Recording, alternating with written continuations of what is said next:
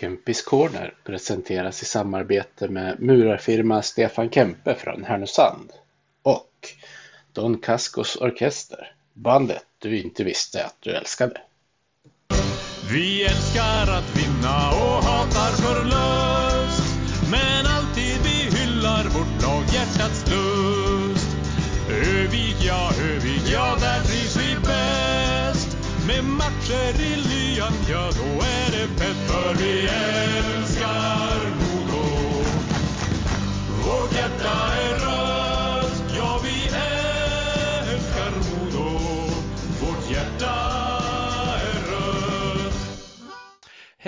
och välkomna ska ni vara till Kempis Corner. Det har blivit dags för det 68 avsnittet. Som vanligt så är det med mig Peter Kempe och som min gäst i det här avsnittet så har jag med mig eh, jag ska väl presentera dig som artist först och modosupporter sen efter det. Emil Assergård. Välkommen till podden Emil.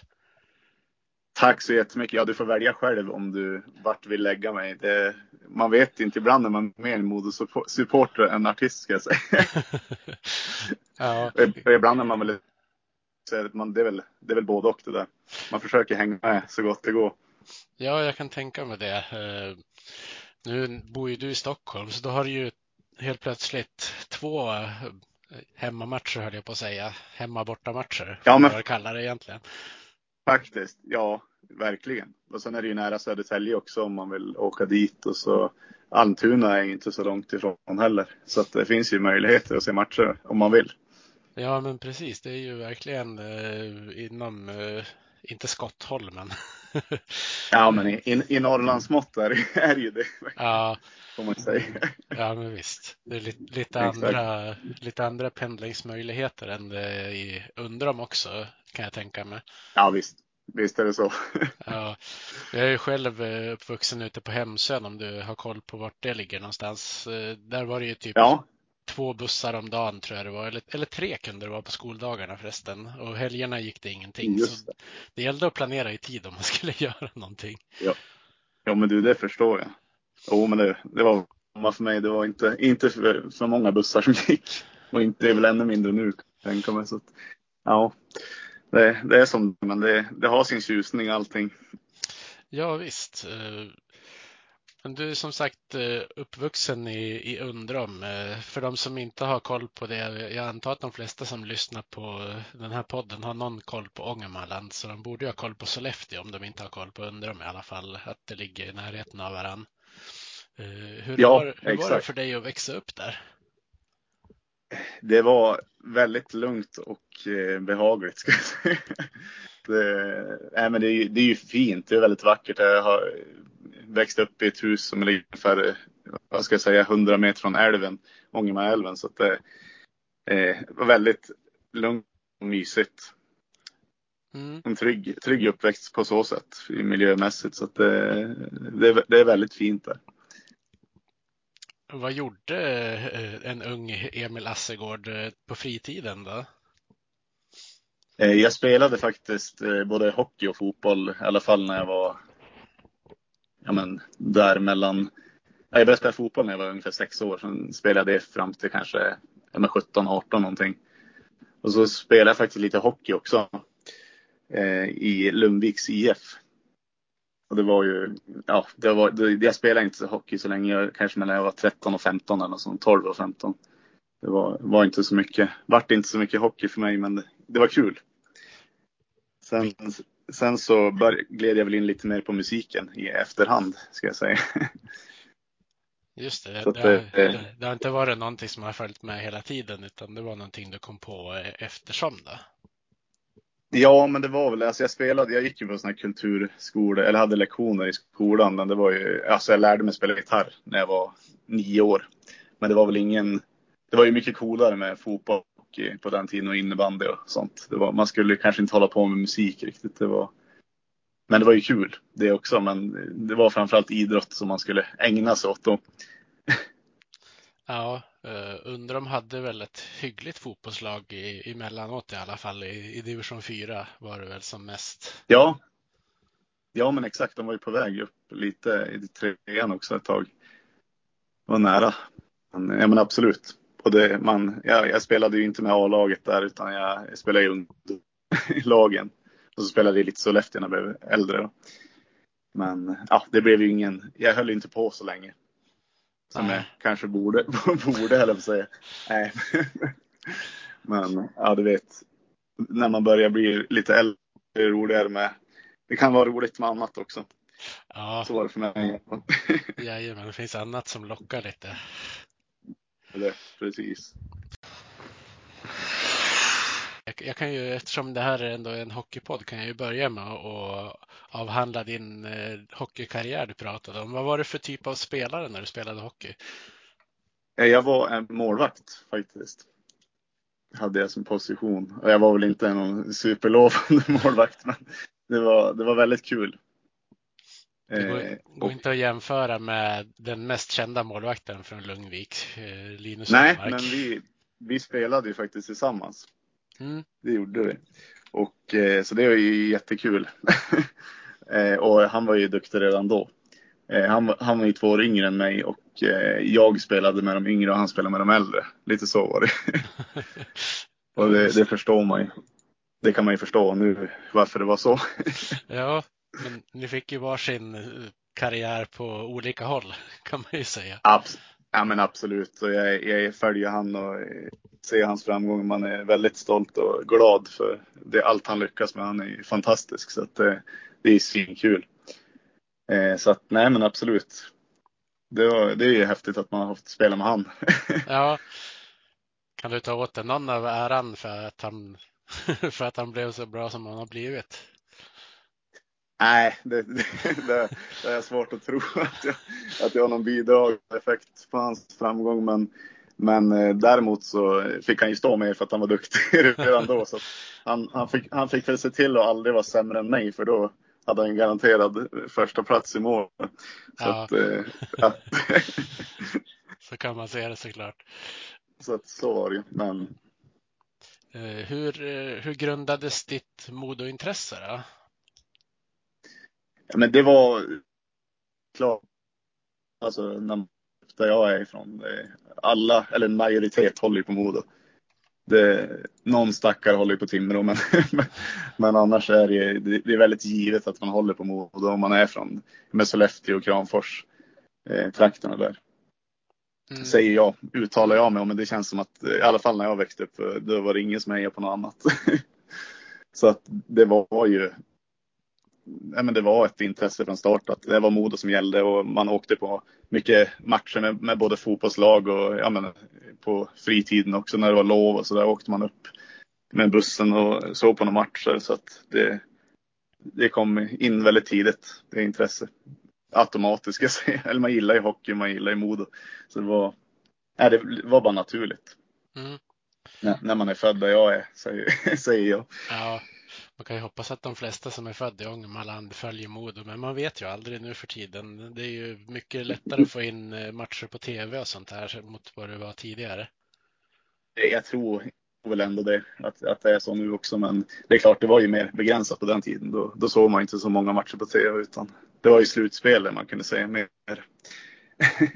Ja, Men, ja, eh, jag har ju döpt den här podden till Kempis Corner, inte bara för att jag heter Kempe, utan eh, till stor del som en hyllning till gamla Kempehallen, eftersom den kallades för Kempis. Har du något eh, minne Ja. från någon match du har varit där? eh, jo, så det, då var man ju inte allt för gammal när man var där. Det ska jag inte säga att jag, att jag kommer ihåg så mycket. Men jag, jag har ju varit på flera matcher där. Det har jag varit. Och eh, jag har för mig att de jag var på, vi var på med fotbollslaget så att Modo oftast förlorade när vi åkte. Så det var ju, det var ju, det var ju tråkigt på så sätt. Att det, det är sällan man någon vinst när man väl for på matcherna. Men, men, eh, nej, men man minns ju hallen ändå. Den är ju, var ju bety eller finns den kvar nu ens eller hur är det? Så? Jag Ja, de, nej, de, rev ju, de rev ju själva Ja, hockeyhallen, men det finns ju en del byggnader runt omkring. Men just gamla Kempehallen är riven nu. Ja. Men just det. Nej, men jag, nej, men man var där. Jag har sett några matcher där så att. Eh, men tyvärr så tror jag aldrig att jag såg när vi vann. Nej, Så det är väl det, det jag kan säga. Ja, det var tur, kul. Det är tur det inte har fortsatt så, för då hade man ju fått bannlysa från att gå på matcher helt. Ja, men fa faktiskt. Jo. Nej, nej.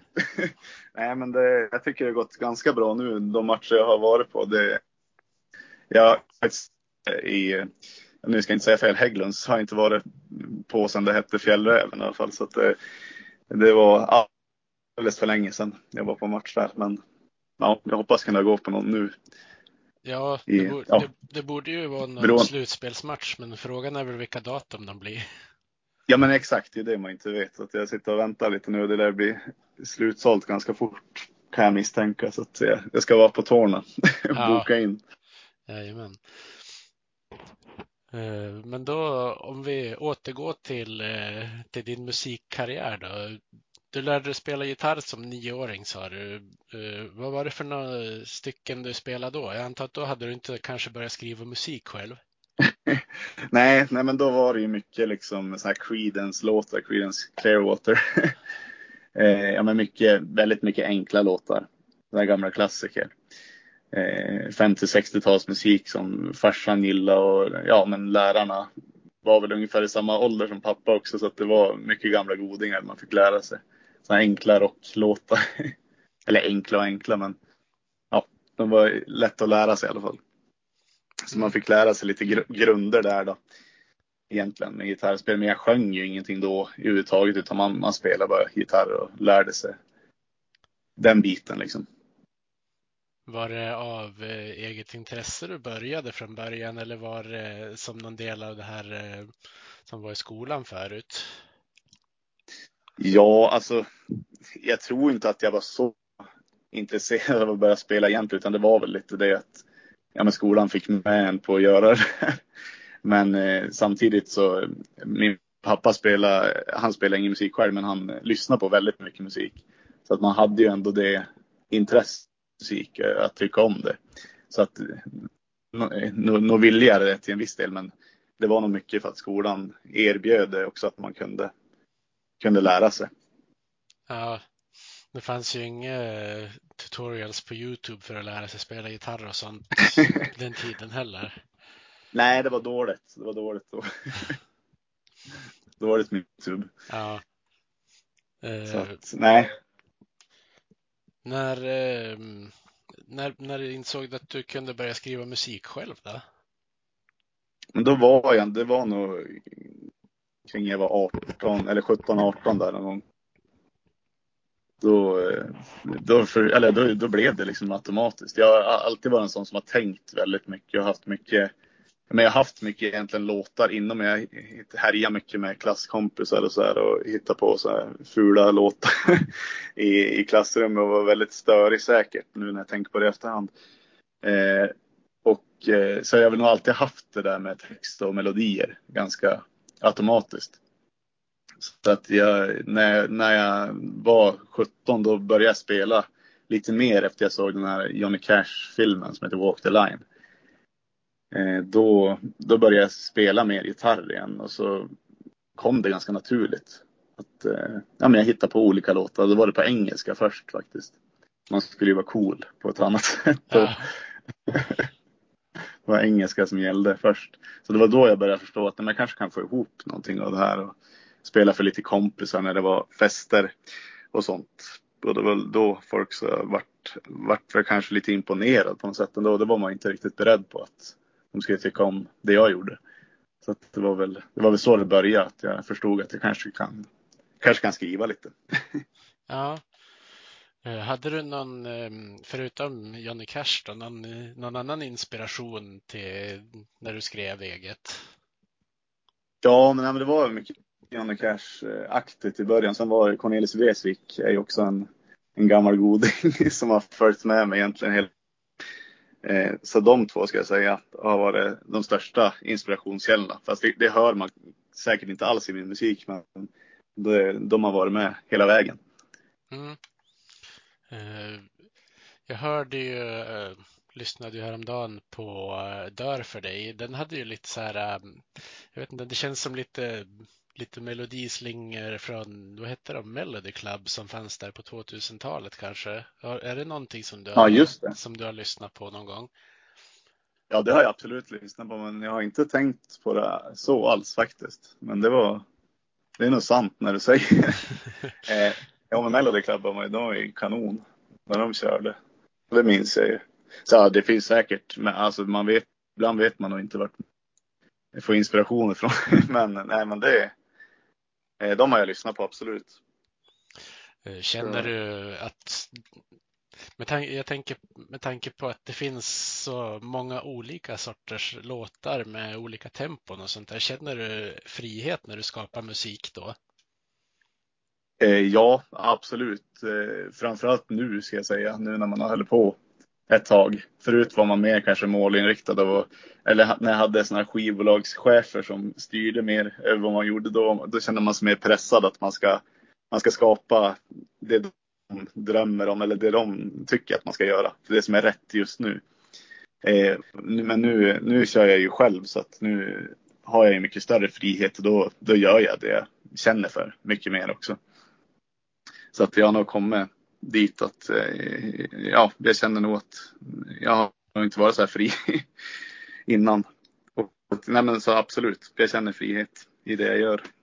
Ja, nu tänkte inte jag på vilket ord jag använde när jag ställde den där frågan, men jag tänkte, du har ju faktiskt en ny låt som heter Är man fri så är man fri. Exakt, ja, men, jag tänkte också på det när du sa det. Det har jag ju verkligen. Eh, och den, eh, det är väl en mer, den handlar väl både om mitt liv men det kanske inte i de, jag är ju inte så där stökig som, som personen beskrivs i låten utan eh, det jag, jag ser mer att jag blir som människa eller i det jag gör. Och, och sådär och det kan ju ha flera innebörder men texten handlar väl kanske mer om hur vissa människor lever just nu. Och det är ju kanske ganska destruktivt egentligen men eh, ja, jag gillar ju att berätta om det jag ser och eh, ja, det är väl därifrån den kommer, skulle jag säga. Ja, eh, du har ju haft, eh, ja, nu när jag kollar på Spotify så släppte du ditt första album för tio år sedan ungefär. Det, det har varit många berättelser som du har haft eh, i musikväg då. Är, är det Tar du sånt från eh, både från livet och helt fiction? Ja, ja, både och ska jag säga, men det är väldigt, alltså i 90 procent så är det ju från, alltså både mitt egna liv och eh, vänner och familj och alltså sådär. Så det blir egentligen väldigt personligt på ett sätt. Samtidigt som man, det kan man väl vara ärlig och säga att man kryddar till saker för att det ska kanske kännas mer intressant ibland också. Så det kan ju bli ganska platt om man, ja, om det inte händer så mycket för tillfället. Så, nej, men det jag gillar ju att, att skapa historier i de historier som finns, om jag säger så. Det är inte för, att, det är inte för att den som det handlar om inte ska känna igen allting. Jo, men så kan det också vara faktiskt i vissa fall. Att eh, det kanske inte ska stämma. Det kanske inte får vara för likt den personens liv för då kanske det blir ja, jobbigt. Både för mig och den. Ja. Vilken, vilken låt eh, är du mest stolt över att ha skrivit under din, dina år som artist? Ja, det var en väldigt bra fråga. Man är ju stolt kanske på olika sätt. Vissa låtar är man ju glad för att de har gått så bra. Men det är kanske inte är den låt man tycker är bäst som man skriver för det. Men eh, jättebra fråga. Jag ska säga jag har en låt som heter Lova mig. Det är en av mina favoritlåtar. Och en låt som heter Någon som dig som jag släppte förra året. De, de är väldigt glada för att jag har gjort och släppt. Ja, jag lyssnade faktiskt på, på Någon som dig senast igår. Det är en väldigt fin låt. Ja, men vad kul. Ja, men tack snälla. Nej, den, den har ju mer ett personligt värde så, eller den är väldigt personlig. Sen kan man ju tolka den som man vill också. men eh, så den är jag väldigt glad över. Mm. Eh, när du är ute och spelar, eh, vilken låt eh, brukar folk leva upp mest till? Det kanske inte är den, den man tänker på alla gånger. Det skulle vara intressant att höra. Ja, Eh, ja, men det är väl ändå de, mina mest spelade låtar skulle jag väl ändå säga. Alltså att det är All In och sen Ego och Jag råkar sälja min bästa vän. Det är väl kanske de som folk taggat eller sjunger med i mest skulle jag nog säga.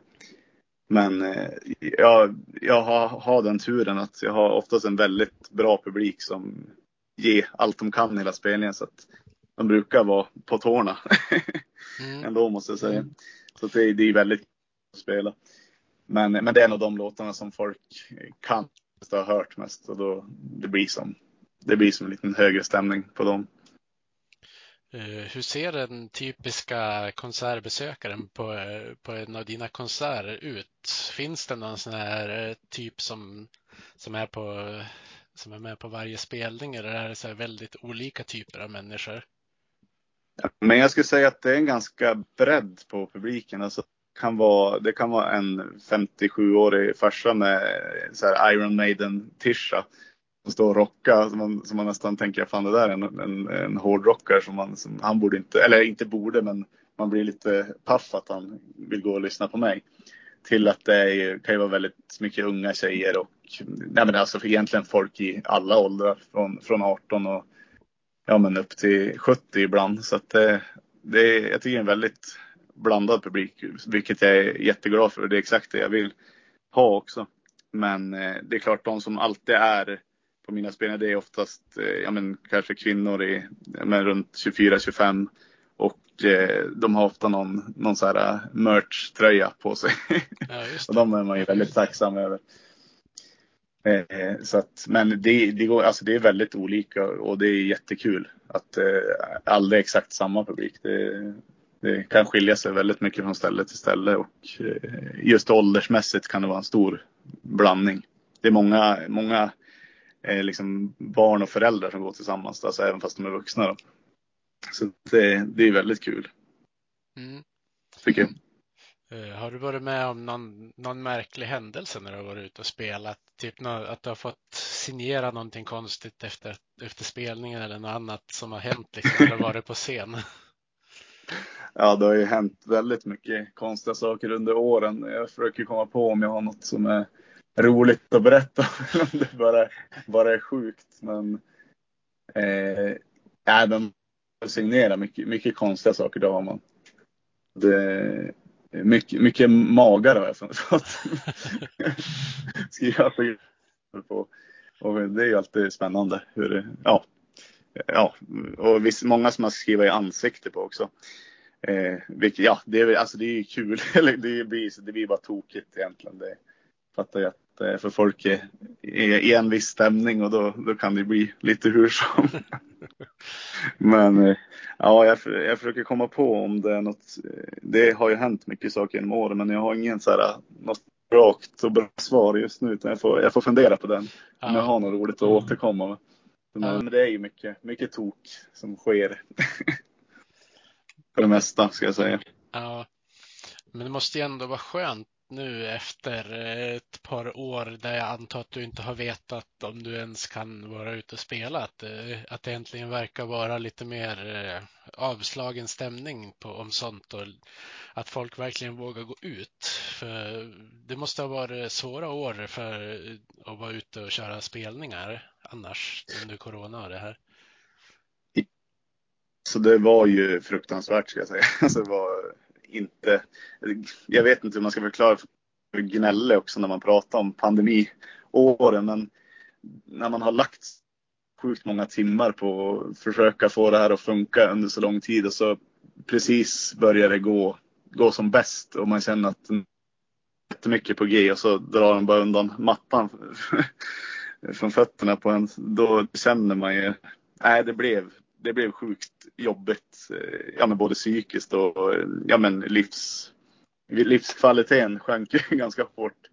Vilket den gjorde för alla under pandemin. Det var inga, inga jätteroliga tider för någon. Så att eh, det, nej, det känns ju jättekul nu att äntligen få vara tillbaka mer. Sen är det jag skulle säga att det är ju, för mig i alla fall, är en, det är en ganska lång väg tillbaka ändå. Så att eh, man, man får verkligen njuta varje sekund man spelar nu och ta in allting som händer för att eh, det är ingenting som är hugget i sten att det ska ska, kan fortsätta så här bra. Liksom, utan man får, man får bara kämpa stenhårt. Ska jag säga. Mm. Men, men det är jäkligt kul att få spela igen. Det är verkligen. Ja. Uh, och nu är du ju aktuell med en, med en turné där du åker på lite olika ställen. Hur, hur har eh, du tänkt runt turnéplanen? Får du bestämma mycket om, om vilka som eller vilka spelningar du kan göra när? Eller hur, hur funkar det då? Eh, ja, alltså jag, jag säger ju att jag vill ju faktiskt spela över hela Sverige och ja, men jag vill spela gärna i Norge och Finland om det går också. Men, men där de förstår svenska i alla fall. Eh, men jo, jag, jag säger ju till vart jag vill spela. Men sen har jag inget inte vill spela på. Så att eh, det, det kan ju bli lite ganska olika ställen. det kan det bli. Men det vi försöker, det man försöker tänka är att man inte ska spela på samma ställe hela tiden. Så att, eh, att man alltid åker till liksom Sundsvall varje år eller sådär så att det blir, folk blir uttråkade av att man alltid är på samma plats. Liksom. Så att det, lite det brukar vi tänka på, jag och bokaren, att vi, vi försöker inte ta samma ställen jämt. Utan försöker, ja. Sen, är det inte, sen kan man inte välja och vraka hur som helst heller, för det är inte alla, alla ställen där man kanske har den publiken så att det täcker till ett ställe och alla, alla städer och byar och samhällen har inte heller kanske någon bra lokal att spela i. Så att det, det är lite sånt som man får ta hänsyn till. Ja, men visst, eh, du har hunnit vara och spela i Dalarna nu på, på turnépremiären. Ja, exakt. Det, det gjorde vi här för några veckor sedan. Någon, någon vecka sedan blir det. Så att, eh, nej, det var, det var jättekul. Det, det, man kände verkligen att nu, nu är det mer som det var innan. För hela, hela förra året var det ju också lite, det var lite en tillbakaväg på något sätt. Att I början av sommaren, folk var ju fortfarande lite rädda att gå ut och sådär. Men, men nu känner jag att det, det har lossnat mer, tycker jag i alla fall. Ja, sen får vi, sen får vi se. ja, det måste vara jättekul att se att folk släpper lös lite grann också. Verkligen, nej men det är, det är fantastiskt. Det är kul att, kul, kul att folk vill gå ut. Så det är inte, det är inte de bästa tiderna nu heller om man ska. Nu är det ingen pandemi i alla fall som stoppar, men det är ju andra, andra hemskheter och, och tråkigheter. Så det är ju det är speciella tider fortfarande ändå. Så ja. det är kul att folk vill gå ut. Och det kanske behövs i de här tiderna också, att man går ut och gör någonting. Ja, jag tror det är bra både med, både med men, nöjesgrejer som konserter och teater och sam, samma med sport också. Det får folk att ha roligt en stund och tänka på någonting annat. Så det är säkert ja. sånt här som alltid Verkligen. behövs egentligen. Ja, men det, det behövs, det tror jag absolut. Jag tror folk har saknat det också. De har kanske vant av sig lite. Att de har vant sig med att vara hemma mycket nu. Men live är ju alltid live och det är samma som med hockey. Det, jag, har varit, jag har faktiskt bara varit på en match i vinter och det, är, det är minusbetyg för mig. Men, men man märker det är så jäkla mycket roligare att gå och kolla live. På riktigt. Jag ser ju matchen på tv annars. Men, och det är ju också väldigt, det är väldigt skönt. Men att kolla live är ändå, äh, det är det bästa tycker jag. Mm. Både i, i, hockey och fotboll och musik och allt man kan göra. Ja, det, man får en annan helhetsbild egentligen. Ja, verkligen. Så är det.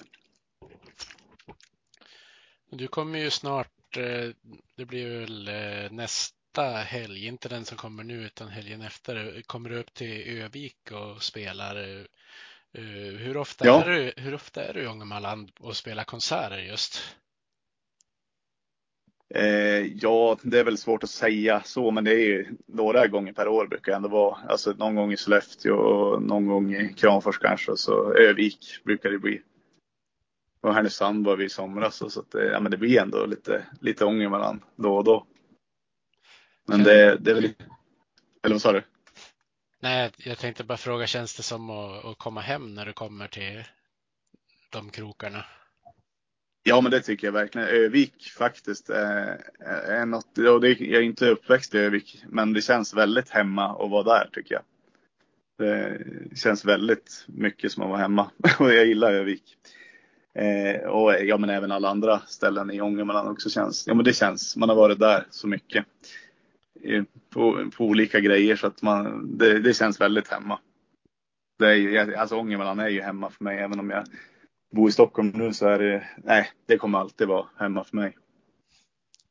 Eh, när du började som artist, eh, bodde du kvar i Ångermanland då eller hade du flyttat till Stockholm redan då? Eh, alltså jag bodde ju, jag bodde i Sundsvall. Jag flyttade dit när jag var, hur gammal var jag då? 22 kanske, 21, 22. Eh, så fram till dess bodde jag ändå i Ångermanland. Eh, men ja, hur ska, hur ska jag svara på det? Eh, nej, det beror väl på när man säger att jag började som artist. Det kanske jag inte gjorde förrän egentligen. Alltså att jag började, jag började enbart jobba med musik 2014 så att det är ju men väg, eh, jag skulle säga vägen dit jag började, alltså i början så bodde jag ändå i Ångermanland. Det gjorde jag. Och man hade, men jag hade mycket så här, trubadurspelningar och sånt mest. När jag, I början där, när jag bodde hemma. Eh, men det var också en bra, bra skola att få lära sig. Blir det mycket, mycket låtar av andra artister de misstänker när man är trubadur? Jo, ja men det blev ju det. Det blev mycket gamla godingar och allsångsvänlig musik. Och det var väldigt bra. Väldigt kul och ja, men väldigt lärorikt. Det var det. Kanske blir ett, ett annat sätt att lära sig interagera med publiken också som du kan ha haft nytta av sen. Ja, men det, så är det verkligen. Man märker fort på folk vad som går hem och inte gör det. Folk, eh, alltså när det är en trubadur så är folk, i alla fall de som är lite påverkade, de är väldigt ärliga och de är väldigt, de önskar väldigt mycket låtar. Så att det har ju varit en, var en bra skola ska jag säga. Ja, om, om vi säger att du är, om du skulle vara på en sån spelning nu och så kommer någon med en låt som du inte kan, skulle du försöka hitta hur du spelar den eller hur tacklar du en sån situation? Eh, alltså om jag skulle, om jag skulle spela som trubadur menar du? Ja, precis. Eller, eh, ja, nej, men då skulle jag alltså då när jag spelade, jag var väl inte, jag förstod väl kanske inte musik på samma sätt som jag gör nu. Utan då var det, kunde jag inte låten så då försökte jag inte. Men nu, nu skulle jag nog försöka. Alltså är det en låt man har hört, då skulle jag nog kunna fixa den hyfsat i alla fall. Beroende på vad det är för låt och såklart. Om det är något mästerstycke så kanske det inte går. Men eh, en vanlig poplåt skulle jag nog klara av att spela hyfsat någonstans. Ja. Eh, absolut. Och det händer ju ibland att man sitter, alltså när man är, när man är led, eh, ja men är man på någon fest och så här, då, blir det, då kan man ju sitta och härja sådär med en gitarr och sjunga lite allsång med, med kompisar och folk. Mm. så kan det vara. Har du någon sån här go-to-låt som du vet alltid funkar en sån gång? Eh, ja, det finns väl många, men eh, det var en bra, bra fråga det. Ja. Men eh, typ så här, Händerna mot himlen är ju en bra, bra låt som ofta funkar ska jag säga. Sen alla Creedence låtar som finns går också hem. Allt, ja. men, eh, men det är svårt. Det är alltid någon som har något specifikt önskemål. Så får man försöka sno ihop den. ja. Annars får du köra något eget kanske. Ja, men precis. Ja, men det går. Det får, det får gå ibland. Det, det, det, är värre när man sitter med kompisar. De är hårdare kritiker än, än publiken. ja. Så är det. Jag såg, eh, jag följer ju dig på Instagram och jag såg eh, någon story rulla upp för vad kan det vara, en månad sedan eller så. Eh, det var någon bakruta på någon epa-bil där det stod sälj dig sist i kön, jag är alldeles för skön. Brukar ja, du, men just det. Brukar du ofta hitta sådana där grejer? Ja, alltså det, det förekommer ju och det är ju jättekul att folk har liksom anammar på det viset. Eh, jo, men absolut, det händer, händer sådana saker. Det är väl inte lika mycket nu ska jag säga, utan det var Ja, det händer ju då och då, men eh, för några år sedan, alltså jag ska, ja, innan pandemin kanske, då, då var det väldigt mycket sånt där. Med bilar och eh, epatraktorer och grejer. Att folk härjade lös och både skrev saker och, och gjorde såna här, ja men dekaler liksom. Ja. Så det är ju jätteroligt. Eh, för de som kanske inte har koll på det så kan jag ju säga att det är en, eh, en textrad från din låt som heter Ego. Så ja, det, det, är från refrängen där. Jag kan tänka mig att kanske inte alla har hunnit hört alla dina låtar. Nej, verkligen. Det tror jag verkligen inte. Det, det förstår jag i sådana fall. Ja. Om man inte har gjort. Men du har ju ändå lyckats få, få bra streamingresultat måste man ju säga. Hur, hur, hur, hur ska jag ställa den frågan då? Får du, får du statistik alltså på hur många streams du har på en månad eller hur funkar det? Ja, alltså man, kan, man har ju som ett, ett verktyg som heter Spotify for Artists. Där kan man kolla lite statistik och så här, hur, det, hur det ligger till. Så att det, där får man ju lite, lite siffror på hur, det, hur, mycket, hur många som lyssnar just nu och ja, i veckan och i månaden och, och så där. Så att man håller, håller ändå lite koll. Det är kul att se. Det är också kul att se när man släpper nya låtar och se hur det liksom, man kan jämföra med hur förra låten gick i jämförelse och. Så, där. så det blir, det blir lite, inte idrott, men det blir lite statistiken att följa och det kan ju vara, ja, det kan ju vara bra att se på något sätt. Sen är allt är inte statistiken heller, utan det är ju, man gör ju musik för att det, det är kul och för att man vill det liksom. Men, men det kan ju vara bra att få lite siffror ibland. Det, det är kul att se att folk lyssnar. Ja. Eh, det står ju på, på din Spotify att du har drygt 350 000 lyssnare i månaden. Det måste ju vara roligt att veta att man når ut till ganska mycket folk ändå. Ja, ja men verkligen. Det är ju fantastiskt. Det förstår man ju inte. Det, enda gången man fattar att folk lyssnar egentligen, det är ju när man är på en spelning och folk sjunger med i låtarna. Annars så, det är ju siffror liksom. Man förstår ju att det är folk och konton bakom det där, men det är ju, det är ju väldigt svårt att ta in det hur många som lyssnar och hur många som har lyssnat genom de åren man håller på med det. Så det är ju, nej, det är, det är galet faktiskt. Det var jättekul. Hur många, mm, hur många av dina följare på Instagram till exempel interagerar med dig? Jag kan tänka mig att det är svårt för dig att hinna svara med, svara på alla kommentarer och så vidare.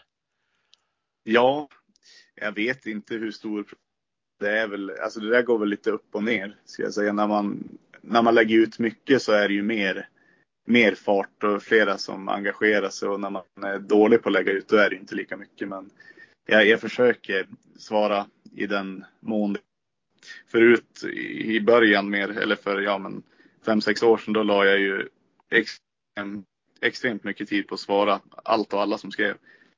Men det, och det, det, ska man göra. Jag tycker man ska svara i, i, i högsta mån. Men jag har lärt mig det med åren också att man kan inte svara allt och alla hela tiden. Utan jag försöker ändå, man gör inte skillnad på folk, men man kan göra skillnad på frågor någonstans.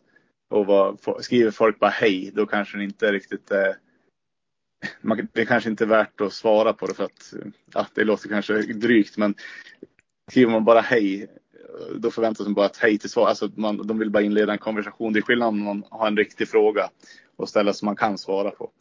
Än att det bara ska vara ett, ett samtal för att eh, ja, jag vet inte. Det, man får prioritera ändå lite. Så man har inte, man har ju bara 24 timmar om dygnet och man lär ska sova lite och lär ska jobba lite med annat. Så att man, det blir, blir som en del av jobbet egentligen. Man får man får lägga några timmar om dagen på att svara men eh, man kan inte svara hela dygnet och man får svara på när folk har men, riktiga frågor egentligen. Så att det blir, det blir lite mer så. Ja, men jag förstår hur du menar. Ja, det, man får, det kanske låter konstigt men man får liksom prioritera det som, som är riktiga frågor och bra. Och ibland ser man att vissa vill bara skriva saker för jävlas och det, det lägger man inte mycket tid på heller. Nej, det är väl nackdelen med att vara en offentlig person kan jag tänka mig. Ja, ja men det är väl det. Sen, sen måste jag säga att folk är faktiskt väldigt snälla. Det, jag försöker inte göra så mycket för att folk ska störa sig heller. Sen kan då folk tro att man är en dåre också för vissa låttexter. Så man har, det har de ju all rätt att tro och tycka. Men eh, ja, jag säger musik, det är ju ja, men det är samma som film och som böcker. Det är en konstform och ibland uttrycker man sig kanske på ett sätt som, som man inte ska ha gjort till en person som man träffar på, på gatan. Liksom, utan det, det är mer, mer eh, beskrivet, eller vad man ska säga, mer målande kanske. Än att, det, än att man behöver störas så mycket på det. Men, men det, jag förstår folk som stör sig också. Det, är väl, det finns någon tjusning i det också. Ja, så är det väl alltid. Det, mycket kommer väl tillbaka till den här berömda jantelagen också kan jag tänka mig. Ja, men så är det ju verkligen. Det, jo, det ska vi inte tala om. Och där är man ju själv. Alltså det är ju, man, man har ju det i sig. Det, det är ju bara så. Det, det blir ju så. Man försöker göra rätt. Ja, Fast det kanske inte går i alla lägen. Det går inte att göra alla nöjda.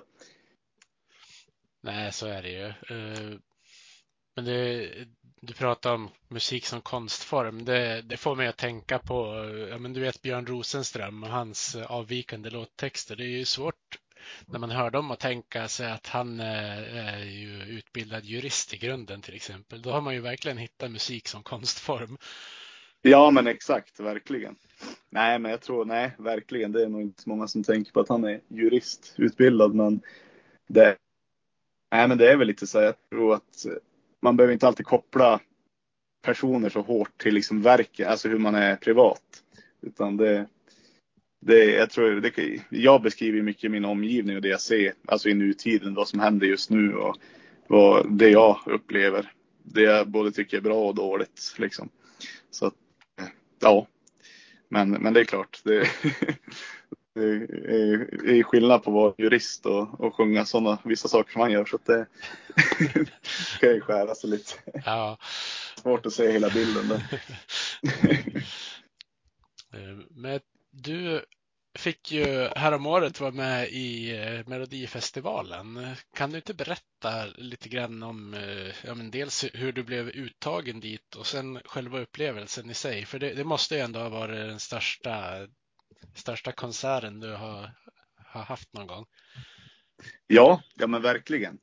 Eh, nej, men jag kan ju berätta upplevelsen först och främst. Och det, det var ju kul och jag var väldigt nervös. Eh, däremot så var det ju, det var ju tråkigt av den anledningen att det var ju ingen publik på plats. För det var ju corona, det var 2021 när de hade ingen publik alls. Mm, Så att det kände, just när man stod på scenen och skulle gö- köra låten, då var det ju Ja, det var knepigt för att det det var bara en svart vägg framför mig fullt med kameror som rörde sig. Eh, så att eh, det kändes ju väldigt knepigt när man visste att det satt ja, men över tre miljoner människor och tittade på det här. Men jag känner, alltså jag ser inte någon känsla eller reaktion alls framför mig utan jag ser bara en vägg med kameror. Eh, så att, men det var ju väldigt, alltså man visste ju någonstans att folk tittade så att man försökte göra allt man kunde ändå. Men det blev väl kanske inte lika naturligt som det skulle vara om det var en publik. Då skulle man ju ta in publiken. Och det, publiken är ju det viktigaste jag har i alla fall när jag står på en scen. De, de gör ju ja, minst halva jobbet ska jag säga. Eh, så att eh, publiken är otroligt viktig. Eh, så att det, det var ju lite, det var lite jobbigt av den anledningen att man fick ju som inget tillbaka direkt när man uppträdde. Så det, det var tråkigt, men eh, det var jättekul att få vara med. Alltså, det var ju en stor produktion och det var ju ja, väldigt häftigt att se hur allting går till. Och, och, ja, och sådär. Eh, och hur jag kom med i det här spektaklet, det var egentligen genom att jag eh, nej men det var ett skivbolag som jag pratade med länge som eh, fick in mig på det här. Eh, och jag vet att de har en stark koppling till festivalen och eh, jag ändå ville göra Mello ganska länge. Och jag tänkte nu när det var pandemi så är det nog ett bra läge att få testa på det för att det, det händer inte mycket annat. Så att det kan ju vara bra att få till någonting i alla fall. Eh, så på den vägen var det. Sen fick jag åka ner till Skåne på ett ja, men så här, låtskrivarcamp kallas det för.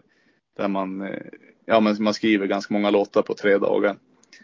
Och så blev det en av de låtarna helt enkelt. Och ja, det jag kan säga om Mello, jag är inte så rädd att få något skit för det, men jag kan säga att det är ju väldigt mycket som, det är inte uppgjort, men det är, det är mycket som folk inte liksom får se bakom kulisserna. Det är just hur man blir uttagen och sådär. Alla har ju inte samma chans, tyvärr. Jag hade ju tur där då att jag hade de kontakterna jag hade och eh, hade tur att få med. Och alla har inte samma chans och det, det tycker jag är ganska dåligt. För det är ändå någonting som väldigt många i Sverige tittar på och jag tycker ändå fler vanliga, det finns jättemycket duktiga låtskrivare och artister runt om hela landet och fler, fler borde få chansen. Det är väldigt, eh, ja, det är väldigt så här, det är verkligen en grupp som får göra det här nu tycker jag. Så att, ja, det är väl det jag kan säga om det. Ja. Det som att jag bara var negativ. Jag var glad att jag fick vara med, men ja, det, jag tycker det finns lite baksidor av det. Ja, men jag förstår vad du menar, för det finns ju väldigt mycket Eh, väldigt många duktiga, både yngre och lite äldre som sitter och gör eh, egen musik och mm, skapar på TikTok till exempel nu för tiden. Och det är tråkigt om inte de får en, en vettig chans att kunna vara med också. Nej, men exakt. Nej. Men jag vet ju att det finns folk som har skickat in ja, men flera hundra och aldrig liksom fått något svar på något sätt. Så att det, nej, det är speciellt det där. Att, eh, och det ser man ju alltså tittar på tävlingen, det är ganska mycket samma låtskrivare år ut och år in. Men ja, det, det vill inte jag vara bitter för jag fick ju vara med så att jag ska inte, jag ska inte klaga men jag kan ändå tycka att det är lite intressant upplägg på.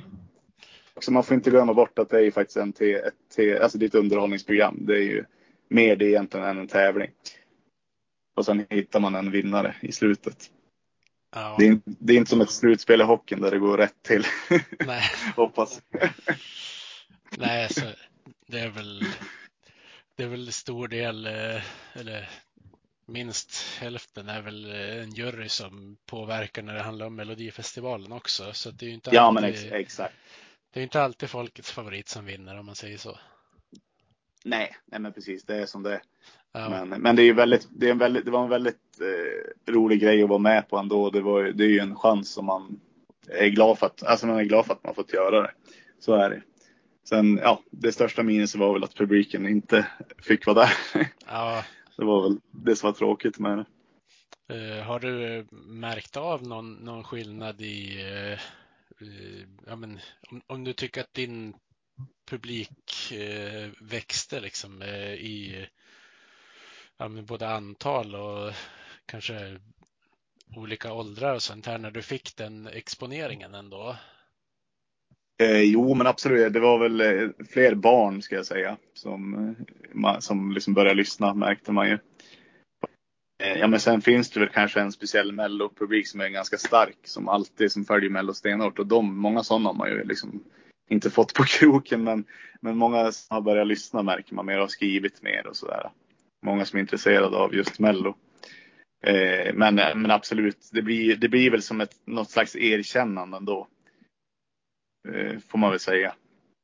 Så det, det har man märkt av. Man märker av med, kanske med, med tidningar och så här att det blir, det blir som någon slags måttstock på något sätt. Att man har gjort det. Så att, eh, vilket jag tycker är roligt och eh, samtidigt tråkigt. För jag tycker att ändå, det ändå är musiken i sig som ska få tala för, vem man är, inte kanske vad man, vad man har varit med i. Men, men det är som det är. Men eh, absolut, det, det blev ju, jag kände väl att det växte där och då. Alltså folk, att det varit mycket mer lyssnare och så. Och många har väl stannat kvar också. Men eh, jag kan även känna att det var väl, det var väl folk som inte tyckte att det var så bra att jag var som tyckte det var tråkigt att jag var med också för att de tycker liksom att jag är deras artist och de har hittat mig själva. Så att vissa kan ju tycka att det är tråkigt att man har varit med på det sättet. Att man ska bli mer allmän på något sätt. Så att eh, ja, alla tycker olika. Ja. Eh, men just eh, 2021 var väl ett på, på både ett och annat sätt ett händelserikt år för dig. Tänker du, du gjorde väl en, var väl med om en liten olycka också om jag inte minns alldeles galet?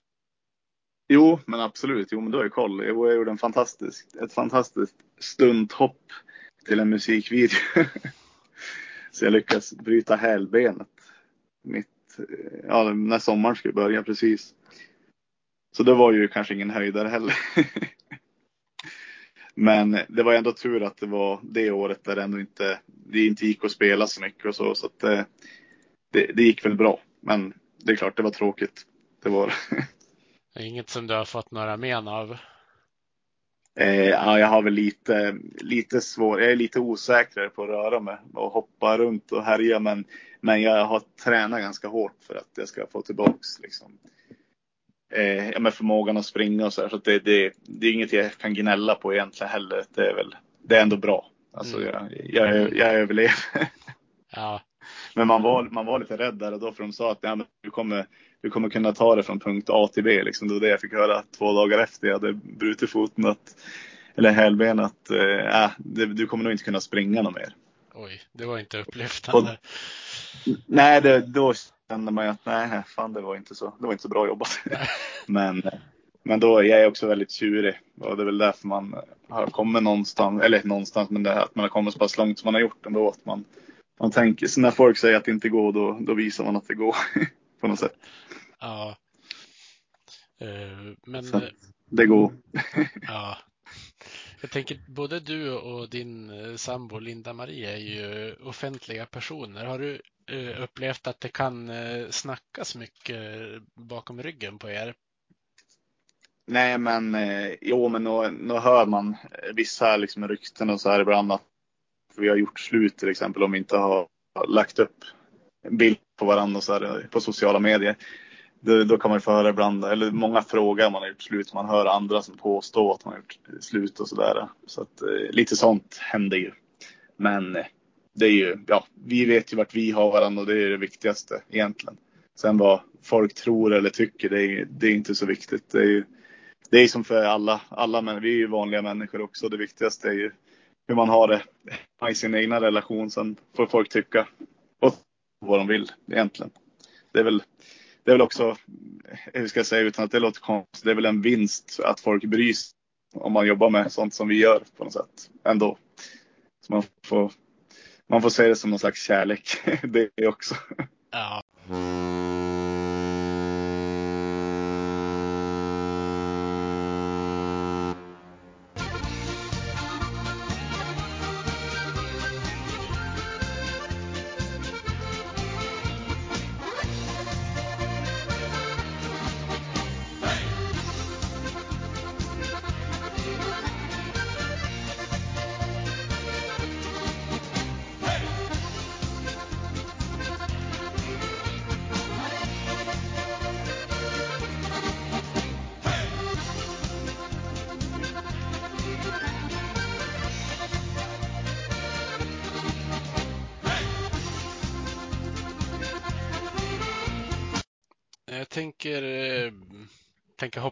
tillbaka lite till hockeyspåret innan vi rundar av. Eh, Ja, men självklart. Eh, Jag har ju fått in eh, lite frågor. De flesta har ju Modokoppling såklart. Ja, vad roligt. Jag har fått några frågor på Twitter. Några stycken Ja. har ju frågat om en Modolåt som som tydligen ska ha varit på gång. Är det någon som skriver? Är det någon, något som du har gått ut och uttalat att det är på gång? Eh, nej, jag har nog inte skrivit det själv, men jag vet att en, en kompis till mig som heter Viktor, eh, som är Modo-fan också, har, jag tror att han har svarat där på Twitter någon gång. Jag tror att det var i samband med och, eh, om att jag har en låt på G.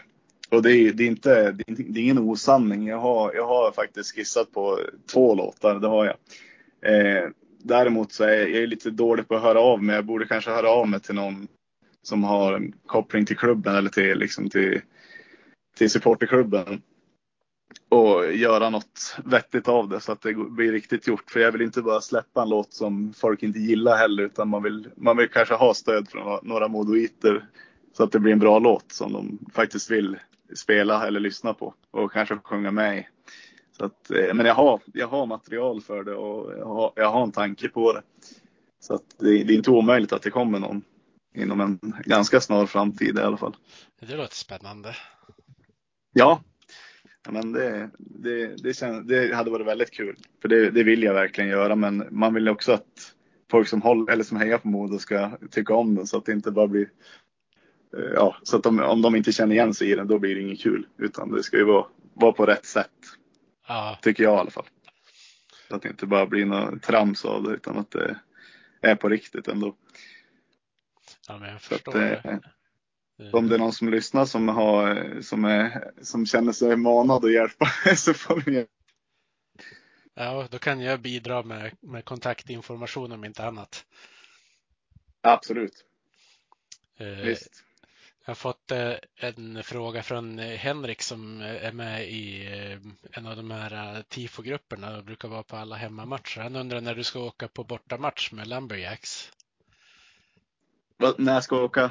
På bortamatch med, med Lumberjacks. Han tänker väl att du ska vara med i bortaklacken då? Ja, men det gör jag gärna när som. Det kanske får bli nu om det är slutspel här får vi se. Om det finns något passande.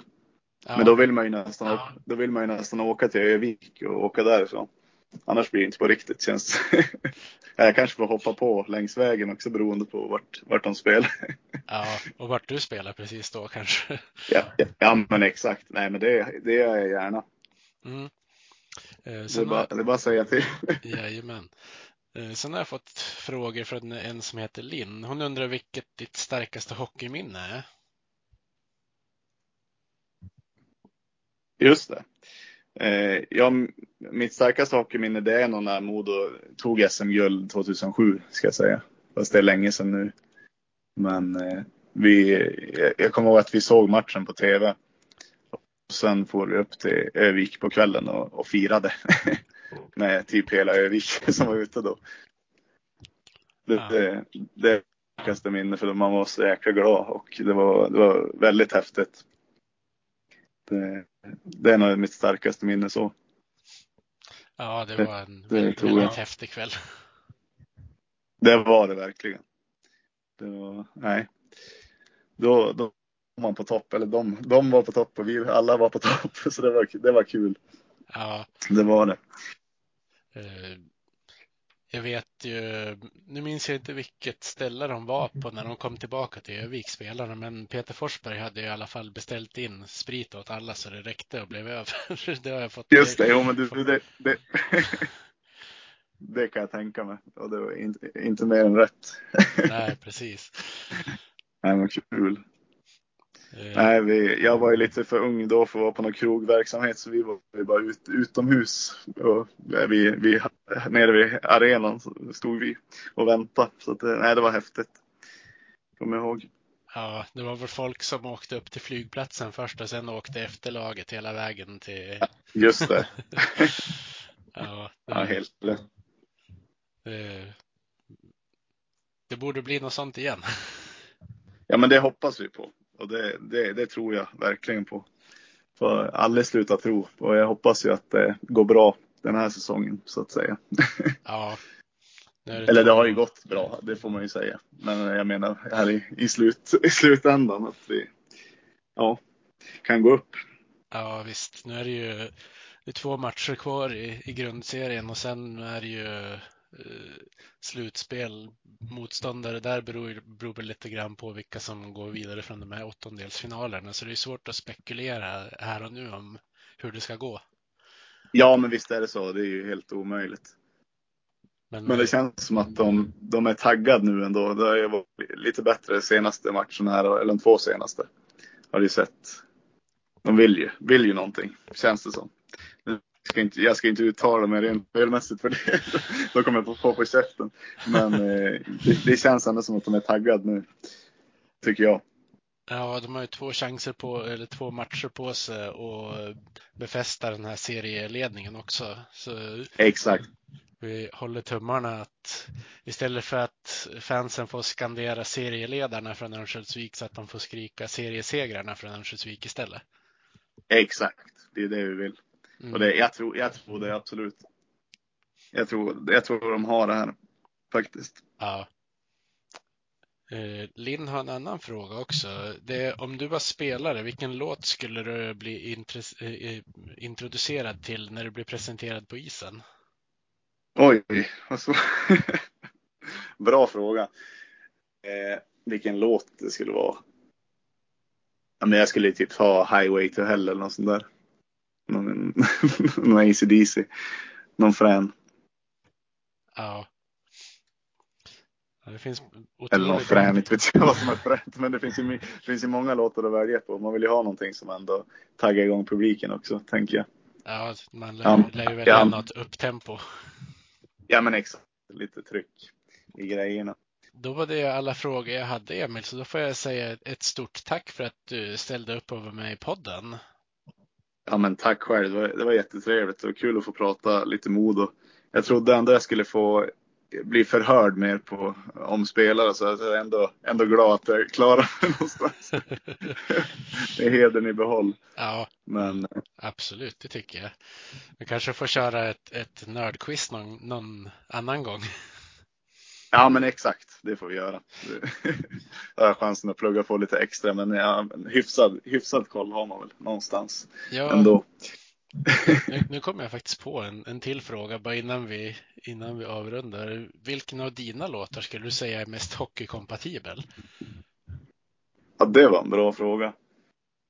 Eh, ja, men jag, jag tror ändå All In funkar bra för att den är, ja, men det är upptempo och eh, man kan ju köra All In alltså med laget också. Att nu, kör vi, nu gör vi fan allt för att vinna det här, tänker jag.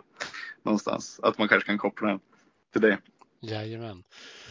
Uh, då avslutar jag med att tipsa om Emil Assegård på Striker i Örnsköldsvik den 17 mars. Uh, Ja, men precis. Vi syns ju där, jajamän. hoppas jag. Jag hoppas att, att många av poddens lyssnare kommer att lyssna på dig också. Det, det Ja. kommer säkert bli en toppenkväll. Ja, men det, det blir alltid vik så det, det blir trevligt. Jajamän, så, så säger jag stort tack till dig Emil och så säger jag tack till, Men stort tack själv. och så tack till alla lyssnare och så håller vi tummarna för Modos kommande matcher då. Det gör vi. Nu blir det två vinster här. Så det Yes. blir kanon. Bra vit och grön. Klubben i hjärtat, en känsla så skön. Övik, ja, Övik, ja, där trivs vi bäst. Med matcher i lyan,